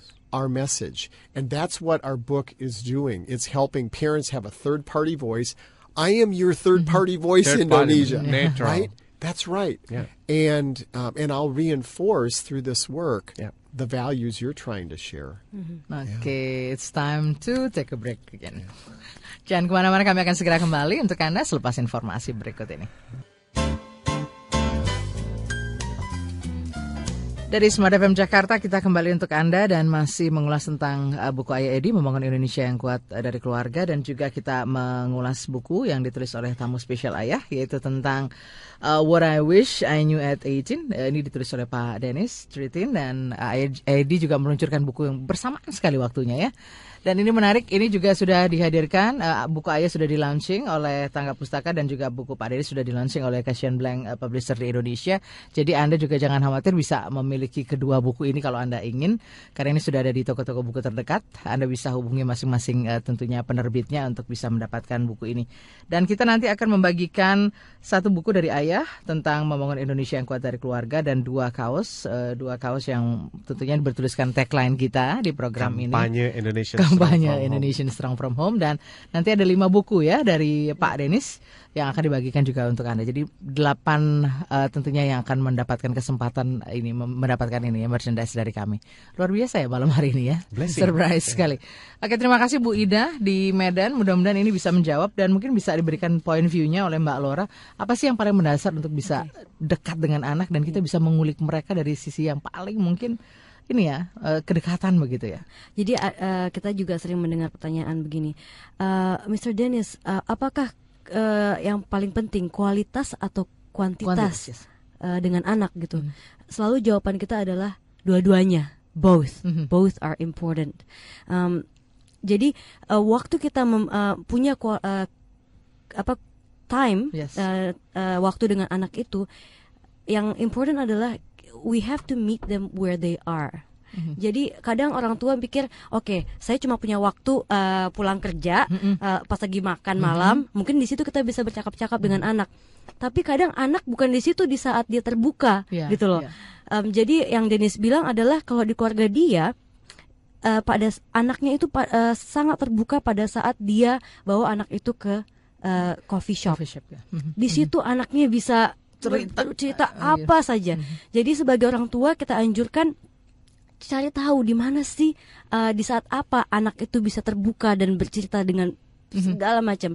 Jadi itu quantity, eh, Yes. quality. Quality-nya ya. Tapi jangan hanya sekali doang gitu, tapi sering gitu uh, dan lanjut. Um, and then the second point that you mentioned was what was it your answer? Mhm. ada um. Oh iya, Em, jadi kadang banyak juga anak-anak terutama di Amerika Serikat mereka tuh sebenarnya nggak gitu apa sih orang tua ngomong apa sih nggak nggak apa namanya nggak mau dengar kata orang Iya. tua. Jadi sangat penting untuk mempunyai the third party voice Eh, orang ketiga yang mengenforce value-value itu Iya. yang orang tua coba eh, Positive eh, message positive ya. message. bisa eh, tante paman atau eh, Keluarga buku terdekat ini ya. gitu kan buku ini Iya. eh, mengkonfirmasikan eh, apa namanya pesan-pesan yang orang tua ingin berikan ke anak Positif Gitu. tapi netral ya. ya benar Oke, lanjut lagi. Tadi pertanyaan dari Bu Ida. Sekarang masih di SMS lagi. Kita masih punya pertanyaan dari Pak Prastio di Manado. We have a question from Prasetyo at Manado. Ini khusus buat Pak Denis ini kayaknya ya pertanyaannya. Mohon diceritakan bagaimana remaja di negeri eh, Pak Denis eh, menyikapi pendidikan dan lalu juga bagaimana peran orang tua terhadap pendidikan anak-anaknya. Lalu bagaimana mengajarkan eh, wise value kepada putra-putra Anda sendiri. Okay Yes. the question is how in America um, how does kids uh, value Yes. education and how can we teach them to Bagaimana peran orang tua ya terhadap how- pendidikan yeah, how, anak-anaknya? how can parents um, have a bigger part in um, a bigger role in um, in in this education for Yes, kids aha. Lalu bagaimana Pak Denis menerapkan sendiri di hadap- terhadap keluarganya? and how do you apply that in your family Oke. Well, we think it's it's absolutely essential that parents value education and that they're involved in the education of their children. And one great example is to learn what is being taught to their children. We were talking earlier about uh, math and that kids aren't learning um, how to manage their money, which is where they use their math most in life. And so we want to make sure as parents that um, that we understand what the school isn't teaching so that we can make sure that we complete it. Um, the second thing that's really important is that um, the parents have good relationships with their teachers. Um, the school that I'm involved in, it is very much parent involved. There's a lot of volunteering that parents do, and um, and we think that that's very, very important because it's the combination of the parents and the schools that are really doing the most preparing um, for the lives of these kids. So we think uh, we think that that's just you know absolutely essential. Hmm, Oke, mudah-mudahan menjawab ya Pak Prastio. Kita dapat penelpon ini ayah. Kita we have a caller again. Halo, selamat malam. Selamat malam. Iya, selamat malam dari siapa di mana Pak? Nama saya Ari dari Jakarta. Pak Ari Jakarta. Silakan Pak Ari. Ya, saya mau nanya ke Ayah Edi ya. Ya, silakan. Jadi, eh, saya tertarik dari poin eh, Davis, kalau nggak salah. Hmm, Pak yang Denis. bahwa- Pak Denis. Dennis. Ya. Oke, Dennis. Yang eh, harus kita perlu switch dari instruct ke influence. Mm-mm. Ya. Mhm. Nah, eh, tapi ada kondisi di mana misalnya saya sebagai ayah dengan eh, bunda Ya. mungkin tidak mempunyai informasi yang sama Mm-mm. sehingga cara kita approach ke anak akan sangat berbeda. Oke. Ya. Bisa juga karena saya dan dan eh, bunda itu punya karakter berbeda. Iya. Mhm. Nah, ketika saya mengajar, mencoba mengajarkan apa yang saya dengar misalnya dari Smart FM, tapi sang bunda mengajarkan apa yang bunda tahu dari sumber yang bunda tahu. Mhm. Di mana caranya benar-benar berbeda, maksudnya sama baik, tapi Ya. caranya berbeda. Dan ini mem- me- me- memberikan dampak yang berbeda pada anak. Dan mungkin akan terjadi bingung di anaknya. Nah, mungkin pertanyaan saya ke ayah ini adalah, gimana ya ayah men- menyamakan dulu persepsi antara saya dengan bunda. Ya. Sehingga caranya akan sama. Ya. Sehingga anaknya pun akan mengerti, oh maksudnya seperti ini. Kira-kira gitu ayah. Baik, baik. Pak Ari, terima Selamat kasih. Selamat malam. Jadi kalau ayah dan bunda ini belum ini, belum satu pandangan ya ayah ya? Belum kompak ya. Belum kompak gitu. Gimana tuh ayah? Eh, ya, kebetulan saya menulis itu eh, Pak di buku ya, di buku dua buku yang berjudul Ayah Edi menjawab dan 37 kebiasaan orang tua yang menyebabkan perilaku buruk anak. Salah satunya adalah orang tua yang tidak kompak. Eh, memang kekompakan ini adalah sebuah proses pembelajaran, Pak. Jadi saya sendiri pun masih sering mengalami tidak kompak karena kita punya source yang berbeda, background yang berbeda, dididik oleh orang tua yang berbeda, suku yang berbeda.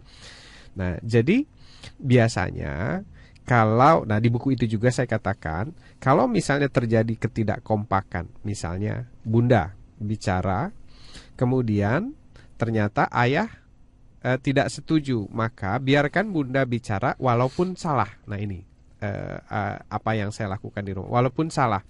Baru nanti eh, malamnya setelah anak-anak tidak ada kita berunding sama bunda untuk bertanya dan kemudian melakukan penyamaan persepsi. Sampai nanti salah satu di Arab dua-dua di antara kita sudah sama persepsinya. Kemudian saya membiarkan bunda yang mengkoreksi. Dan biasanya istri saya akan datang lagi ke anak saya minta maaf bahwa kemarin itu salah nak. Yang benar adalah seperti ini. Nah tanpa kita menegur istri kita di depan anak kita Ya. pun sebaliknya. Seperti itu. Jadi kita tidak eh, apa namanya tidak takut ah, ada kebingungan Mhm. dari anak. Jadi kita tetap satu suara. Nah, kenapa saya tidak mengizinkan eh, ayah menegur bunda di depan anak? Karena ini menyangkut respect anak terhadap bunda dan credibility bunda di depan anaknya, atau sebaliknya. Kira-kira seperti itu. Apa yang saya lakukan? Nah, memang idealnya sih setiap apa yang kita mau sampaikan ke anak didiskus dulu. Oke. Tapi kadang-kadang kan Pak kasusnya muncul eh, di luar perkiraan kita. Nah, biasanya dalam kasus itu muncul, kita akan handling berdasarkan pengalaman kita, referensi yang kita baca, referensi yang kita dengar. Nah, manakala referensinya berbeda, otomatis nanti approach-nya berbeda. Nah, itulah sebabnya mengapa kalau seandainya Bapak punya referensi baru misalnya dari Smart FM atau dari buku-buku, nah ada baiknya mengajak Bunda untuk ikutan mendengarkan. Itu biar nanti prosesnya lebih mudah untuk menyamakan persepsi. Seperti dari tadi katakan bahwa pihak ketiga, the third party is important role to make easier gitu untuk memudahkan eh, pihak pihak yang kita ingin berikan pemahaman ini lebih bisa menerima karena manusia itu selalu bottlenecknya adalah ego ya. Jadi ego kalau kita menyatakan ah, me- menyampaikan ini langsung kepada istri kita, mungkin ego istri yang akan bermain. Tapi kalau buku ya, buku yang kita berikan dan dia baca mungkin akan membuat berbeda begitu. Kira-kira pandangan kami dan apa yang sudah saya lakukan di rumah seperti itu dan biasanya anak nanti akan uh, confirm balik gitu ya. Sekarang yang benar yang mana nih? Nah, yang benar yang kata Bunda tadi. gitu. Jadi uh, kita memang mengakui kalau mendidik anak kemudian tiba-tiba salah, akui saja salah, minta maaf.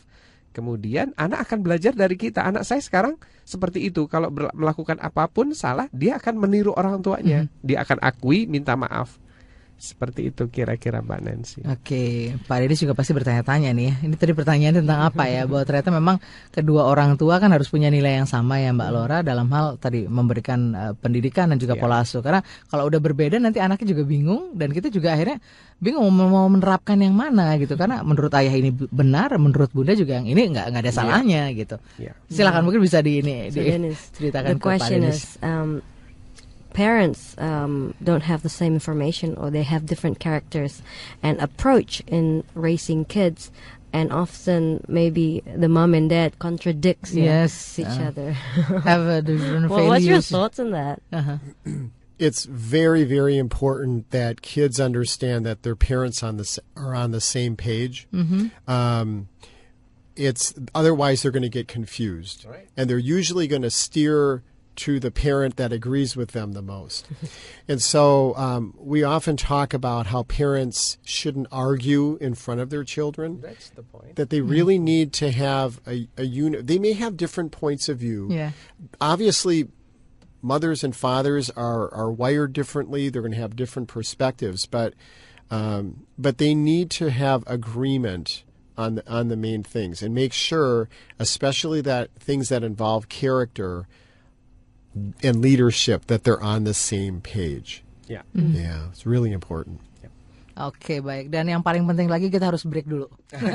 Sudah waktunya lagi kita lewatkan beberapa commercial break. Kita kembali untuk Anda dan masih ada kesempatan untuk bisa menjawab uh, beberapa pertanyaan lagi yang ada di SMS. Terima kasih banyak untuk semua listener yang sudah mengikuti perbincangan ini sejak pukul 8 tadi. Kita punya pertanyaan dari Mari di Semarang bahwa eh, saat ini beliau butuh cara untuk menjelaskan ya kepada orang tua tentang eh, bagaimana sebenarnya bahwa dia tidak berminat dengan usulan orang tuanya gitu untuk bisa masuk eh, menjadi pegawai negeri katakanlah seperti itu karena menurut dia sekarang dia sudah bekerja dan sudah punya pilihan sendiri. Sepertinya Pak Denis sudah punya jawabannya forma di di Semarang ya from Semarang. Would you please to answer? Yes. Well, I've received this question many times as I've talked with students, and um, and it's a heartfelt question. And so, what I first tell the children is that, in many cases, parents are parenting you as the way they were parented. They want the best for you, um, but you have to respectfully find a way to share your heart. Um, respect their their interest in in having the best for you, but to find a place where you can share what your dreams are and help them understand that you would not be joyful and happy in life if you did something different that someone else that they wanted you to do that might not be where your passion is, where you get joy, maybe what you're good at. Because just because they were good at something, that doesn't mean that you would be good at it. And so um, I really encourage them, and I said to, to write down your thoughts first, and then find a time where you can go to a neutral place and, and just share from your heart. And I also tell them to pray ahead of time that their parents change, their Change them heart. all. Yeah. Yeah, because because I think that might help too. Yes, only God can change Yeah. the mind. Yes. yes. Yeah. Oke, Ayah, mungkin ada eh, Ya, jawaban kalau saya tambahan. begini, kalau saya punya pengalaman ya, eh, orang tua eh, meminta anaknya seperti itu pasti dia punya belief system, ya, sistem kepercayaan masa lalu yang meyakinkan dia bahwa kalau kerja di eh, government itu kamu safe, seperti orang tua saya. Orang tua saya itu dulu selalu mengatakan kerjalah di government, kemudian kalau bisa di Bank Indonesia. Karena tidak pernah bangkrut, pasti masa depanmu ini punya pensiun dan sebagainya. Ah, saya mengatakan, oke, itu mungkin kebenaran, tapi kebenaran masa lalu. It's old fashion, but now new vision. Nah, jadi eh, untuk merubah belief system kita perlu alat. Ya, yang dibutuhkan oleh kita alat, Pak. Nah, Dennis menciptakan alat. Nah, salah satunya buku. Kemudian banyak alat lain, misalnya film. Uh, Bapak atau Ibu bisa membeli film yang judulnya Three Idiots. Ya, Three Idiots. Ya, udah nonton film Three Three Idiots? dari India. Ya, dari India. Film itu sangat menginspirasi bagi para orang tua yang kekeh memaksa anaknya untuk melakukan sesuatu, mengambil jurusan yang anaknya tidak sukai. Nah, ini adalah tools-tools yang kita bisa gunakan untuk membangun kesadaran orang tua.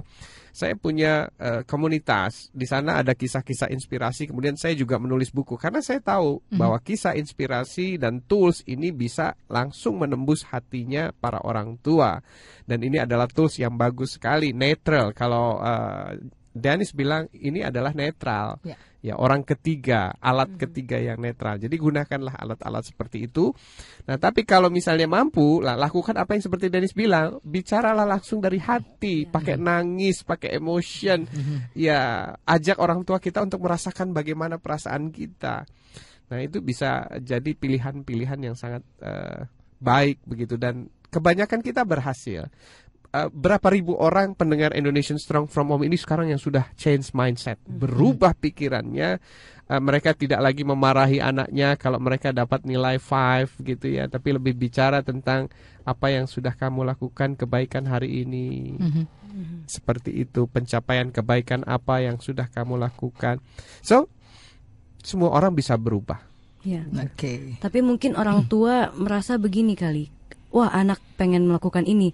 Tapi anak ini tidak meyakinkan orang tua bahwa dia sudah melakukan riset yang benar-benar matang bahwa inilah jurusan yang dia Itulah mau pilihan am- pilihan yang dia. terbaiknya. Jadi eh, mungkin yang tadi Dennis bilang tulis dulu apa yang kamu mau katakan supaya kamu benar-benar yakin bahwa kamu bisa meyakinkan orang tua ini benar-benar pilihan kamu. Ya. Gitu. Oke, baik. Ayah kita masih boleh kasih kesempatan satu Ya, pertanyaan lagi boleh. dari Ririn. Nah, bagaimana kalau memang eh, ini sudah terjadi ya? Bagaimana mel- me- eh, memulai merubah kebiasaan anak-anak remaja bila sudah terlanjur bergaul dan terpengaruh dengan lingkungan yang kurang baik? Ya, Eh, kalau pengalaman saya pribadi begini, eh, mereka itu manusia seperti kita. Eh, mereka adalah mereka punya sensor kedekatan. Saya menyebutnya sensor kedekatan. Pada saat dia merasa convenient dengan seseorang, maka dia akan memilih dekat dengan seseorang. Tapi waktu dia merasa tidak nyaman dengan seseorang, dia akan menjauh. So eh, kalau ada orang tua yang tanya, bagaimana kalau anak saya sudah begini-begini? Oke, jadilah sahabat ya become sahabat ya sahabat jadi kita itu akan dekat dengan sahabat di kondisi apa pun. Nah permasalahannya adalah sering kali yang jadi sahabat itu bukan orang tuanya. So pikirkan bagaimana to become sahabat. Ya sahabat bagi anak kita. Nah kalau ditanya gimana sih eh, supaya bisa jadi sahabat bagi anak kita? Nah kita coba ingat-ingat aja. Kita kan punya sahabat nih ya. Misalnya Laura Laura punya sahabat Pak Denis punya sahabat. Nah seperti apa sih sosok sahabat kita nah biasanya sosok sahabat itu ya saya tuangkan di buku ini eh, nggak jauh-jauh itu biasanya eh, apa namanya sahabat itu orang yang mau mendengarkan Yes. ya. Jadi apa yang saya lakukan ini sudah saya terapkan ke Nia kemarin ya, eh, 19 years old dan dia dua setengah jam bicara pada saya dan orang tuanya sampai bilang belum pernah Nia bicara selama ini sama orang tuanya. Nah kemudian sahabat itu seperti apa sih? Sahabat itu orang yang tertarik sama masalah kita. Jadi waktu kita cerita ya kita bilang, oh wow, it's great gitu. Itu selalu saya lakukan dan itu saya biasakan. Makanya waktu Dennis cerita, ya memang ini saya tertarik, tapi tetap karena habitnya sudah seperti itu, jadi wow, that's great, wonderful. How come? I wondering. Nah, itu akan membuat Dennis pun akan cerita banyak begitu, akan antusias dari bahasa tubuhnya dan ini juga akan berlaku di anak kita. Uh, kemudian puji ya, Ya. puji. Kita paling pelit loh muji. Great, wonderful, Ah, macam-macam. Nah, kemudian ya saya setuju sama Dennis, cari tempat yang dia banget, bukan yang gue banget. ya. gitu. Jadi kalau dia suka di coffee shop, di Starbucks, ya, Ya, udah, kenapa enggak gitu kita ya, ke? Starbucks now. Oke, baik. Uh, Pak Denis, this is uh, the last question for you. Uh, what is it uh, to be expected uh, by an 18 years old or teenagers uh, that would make him or her uh, ready to face the world? Ah.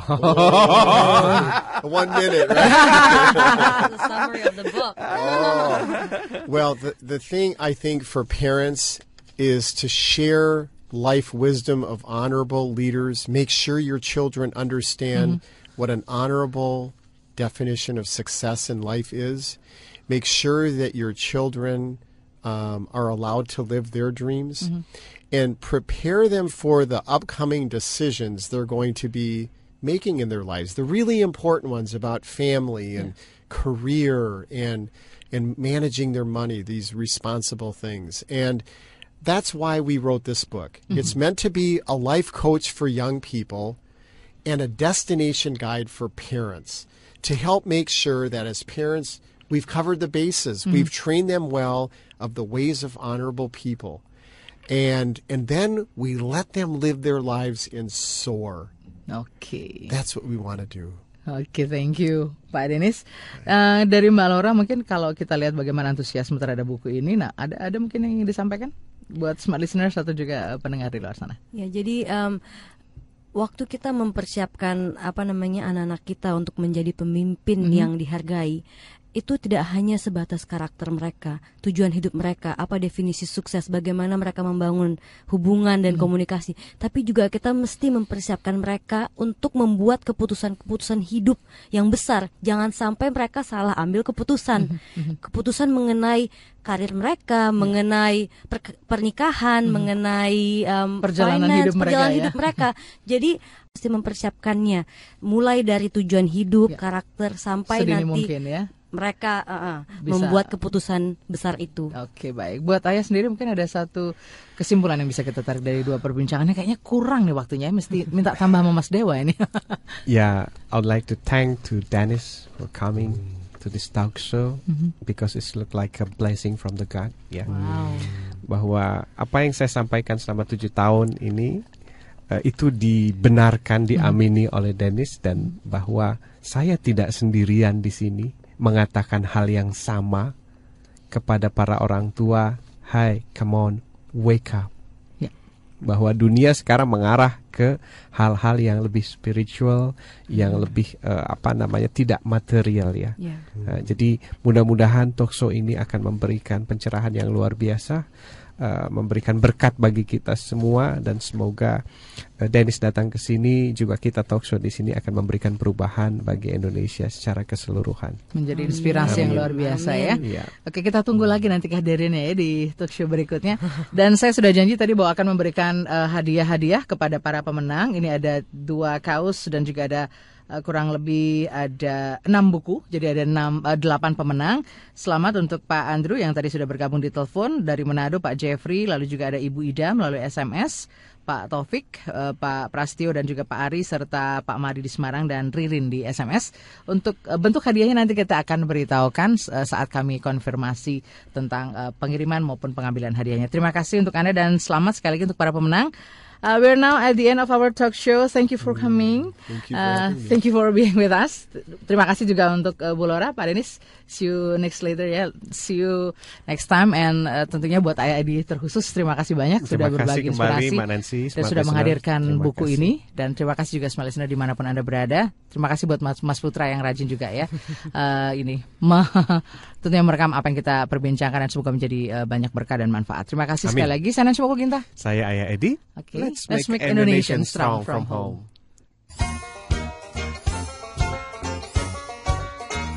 Telah Anda ikuti Indonesian Strong from Home bersama Ayah Edi. Untuk konsultasi dan seminar, hubungi 0816 182 2323.